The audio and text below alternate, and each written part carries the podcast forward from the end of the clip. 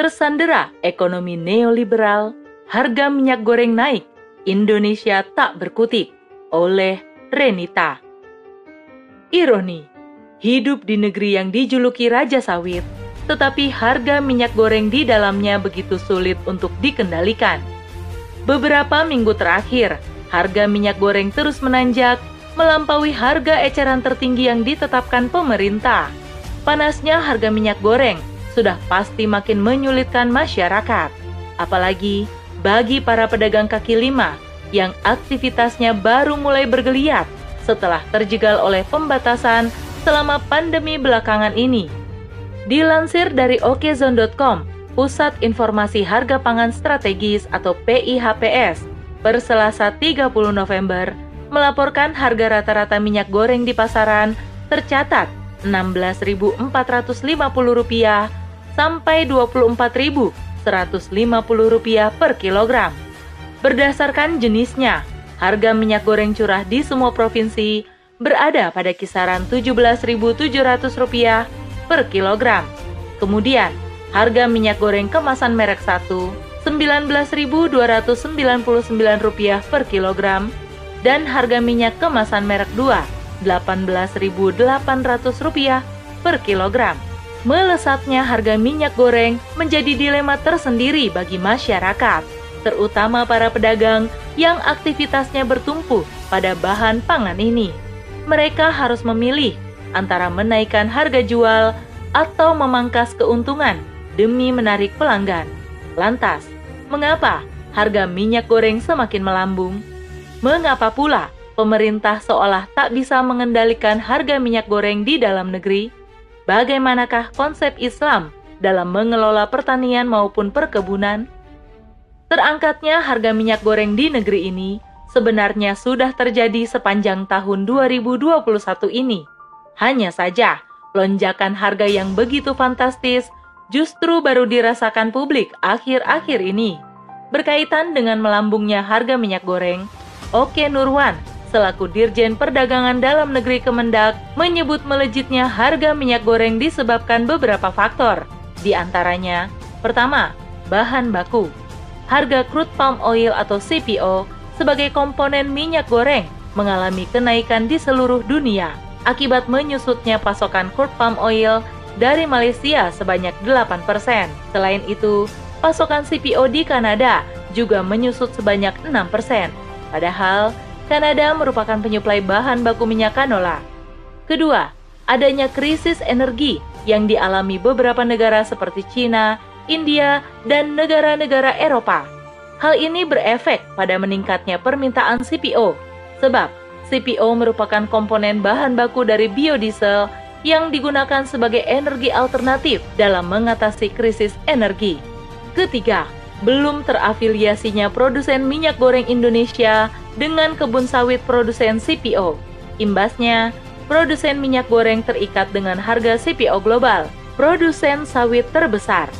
Melambungnya harga minyak goreng menjadi sebuah ironi, mengingat Indonesia merupakan produsen sawit nomor satu di dunia.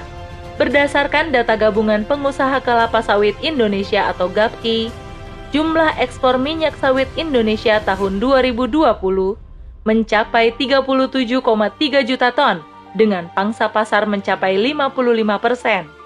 Selain itu, krisis energi yang dialami Cina dan India ternyata mendongkrak ekspor produksi minyak sawit Indonesia pada Agustus 2021 hingga mencapai 4,274 juta ton, meningkat sebesar 1,53 juta ton dibanding Juli 2021. Total ekspor kelapa sawit Indonesia periode Januari hingga Agustus tahun ini tembus sebesar 22,79 juta ton, menanti kebijakan pemerintah. Sungguh ironis ketika harga minyak goreng terus menanjak akhir-akhir ini, bahkan melebihi harga eceran tertinggi yang ditetapkan oleh pemerintah. Padahal, Indonesia merupakan produsen sawit terbesar dunia, namun rakyatnya justru kepanasan dengan harga minyak goreng yang kian mendidih.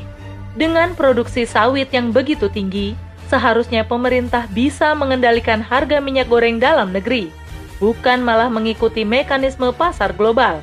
Ditambah lagi, adanya krisis energi dunia ternyata dimanfaatkan oleh para mafia, kartel pangan, hingga pengusaha sawit untuk mendulang profit pribadinya. Lihat saja bagaimana ekspor kelapa sawit meningkat sebesar 55,8 persen selama bulan Agustus lalu hingga berdampak pada menyusutnya pasokan minyak goreng dalam negeri. Lebih miris lagi, ketika komoditas kelapa sawit periode Januari hingga Agustus 2021 begitu banyak berkontribusi terhadap devisa negara. Namun di saat yang sama, rakyat justru kesulitan dengan melambungnya harga minyak goreng, terutama para pedagang kecil yang menggantungkan aktivitas perdagangannya pada minyak goreng. Sebab, bagaimanapun juga, minyak sawit merupakan salah satu kebutuhan vital masyarakat yang tak mungkin disubstitusi dengan minyak makan lain karena harganya yang lebih ekonomis. Selain itu, meskipun pemerintah berdalih pasokan minyak goreng dalam negeri dalam keadaan terkendali, namun tetap saja hal tersebut tidak mampu menstabilkan harga eceran minyak goreng. Sungguh, tren kenaikan harga minyak goreng ibarat hantaman baru bagi masyarakat setelah melandainya hantaman pandemi COVID-19. Tersandera ekonomi kapitalis neoliberal. Pada faktanya, persoalan naiknya harga bahan pangan tak bisa dilepaskan dari buruknya mekanisme dan tata kelola masalah pangan di negeri ini. Penguasa dalam saat ini tidak berdiri sebagai pelayan rakyat, namun hanya berperan sebagai komprador yang menjembatani kepentingan para kapitalis dengan rakyat. Semua pengurusan rakyat, termasuk pengelolaan bahan pangan sawit, disodorkan pada para korporasi, baik lokal maupun luar. Begitu pula, kebijakan pangan yang digulirkan hari ini tak mampu mengendalikan kebijakan ekspor serta pasokan komoditas sawit yang dapat memihak rakyat, justru malah semakin mengalirkan keuntungan pada para pengusaha beserta oknum-oknum yang terlibat.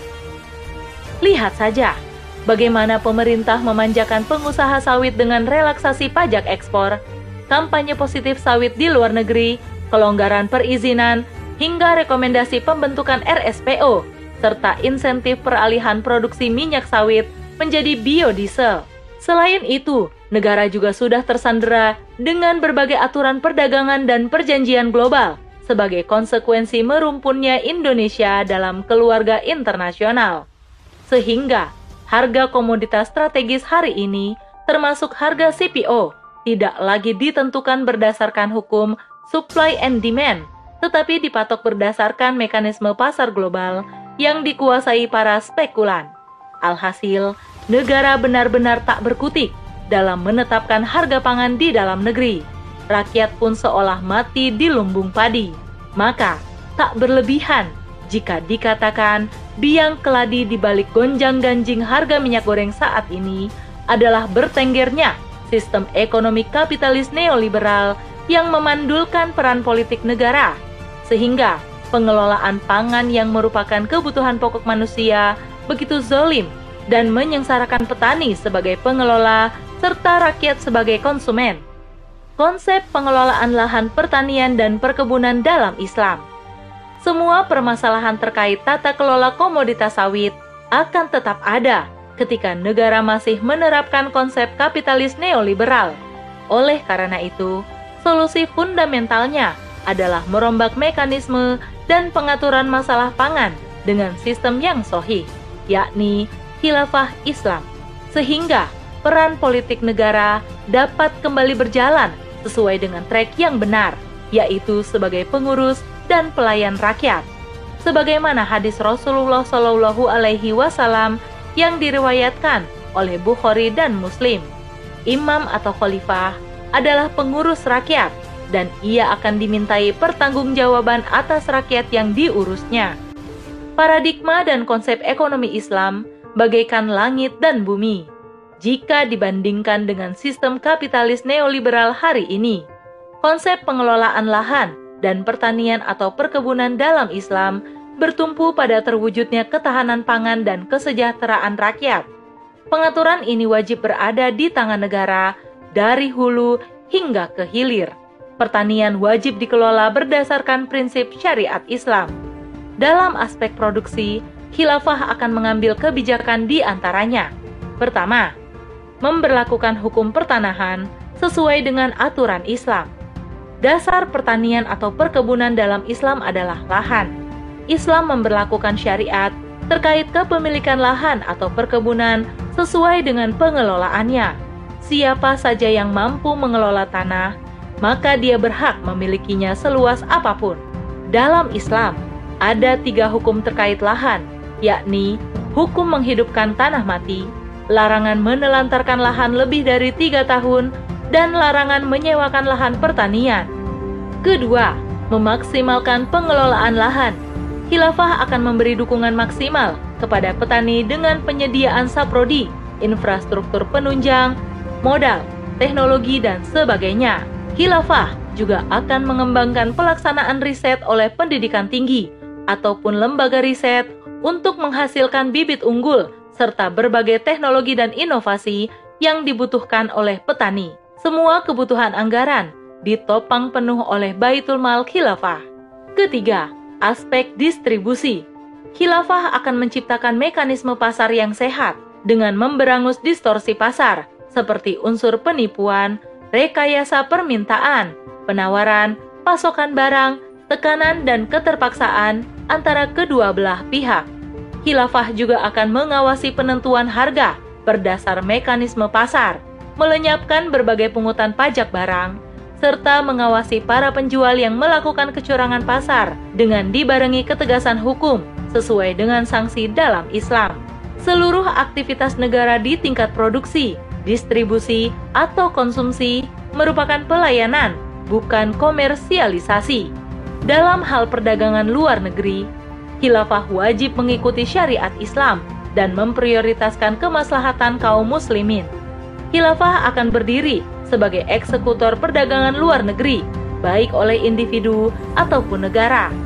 Demikianlah politik ekonomi Islam yang dijalankan oleh khilafah, sistem pemerintahan yang amanah, sebagai pelayan serta pelindung rakyat, menjadi jaminan bagi berjalannya sektor pertanian dan perkebunan yang dinamis dan terus tumbuh. Saatnya kita membumikan penerapan syariat Islam secara kafah, sehingga dapat menjamin terpenuhinya kebutuhan pokok serta mewujudkan ketahanan pangan bagi seluruh rakyat. Wallahu a'lam bishawab.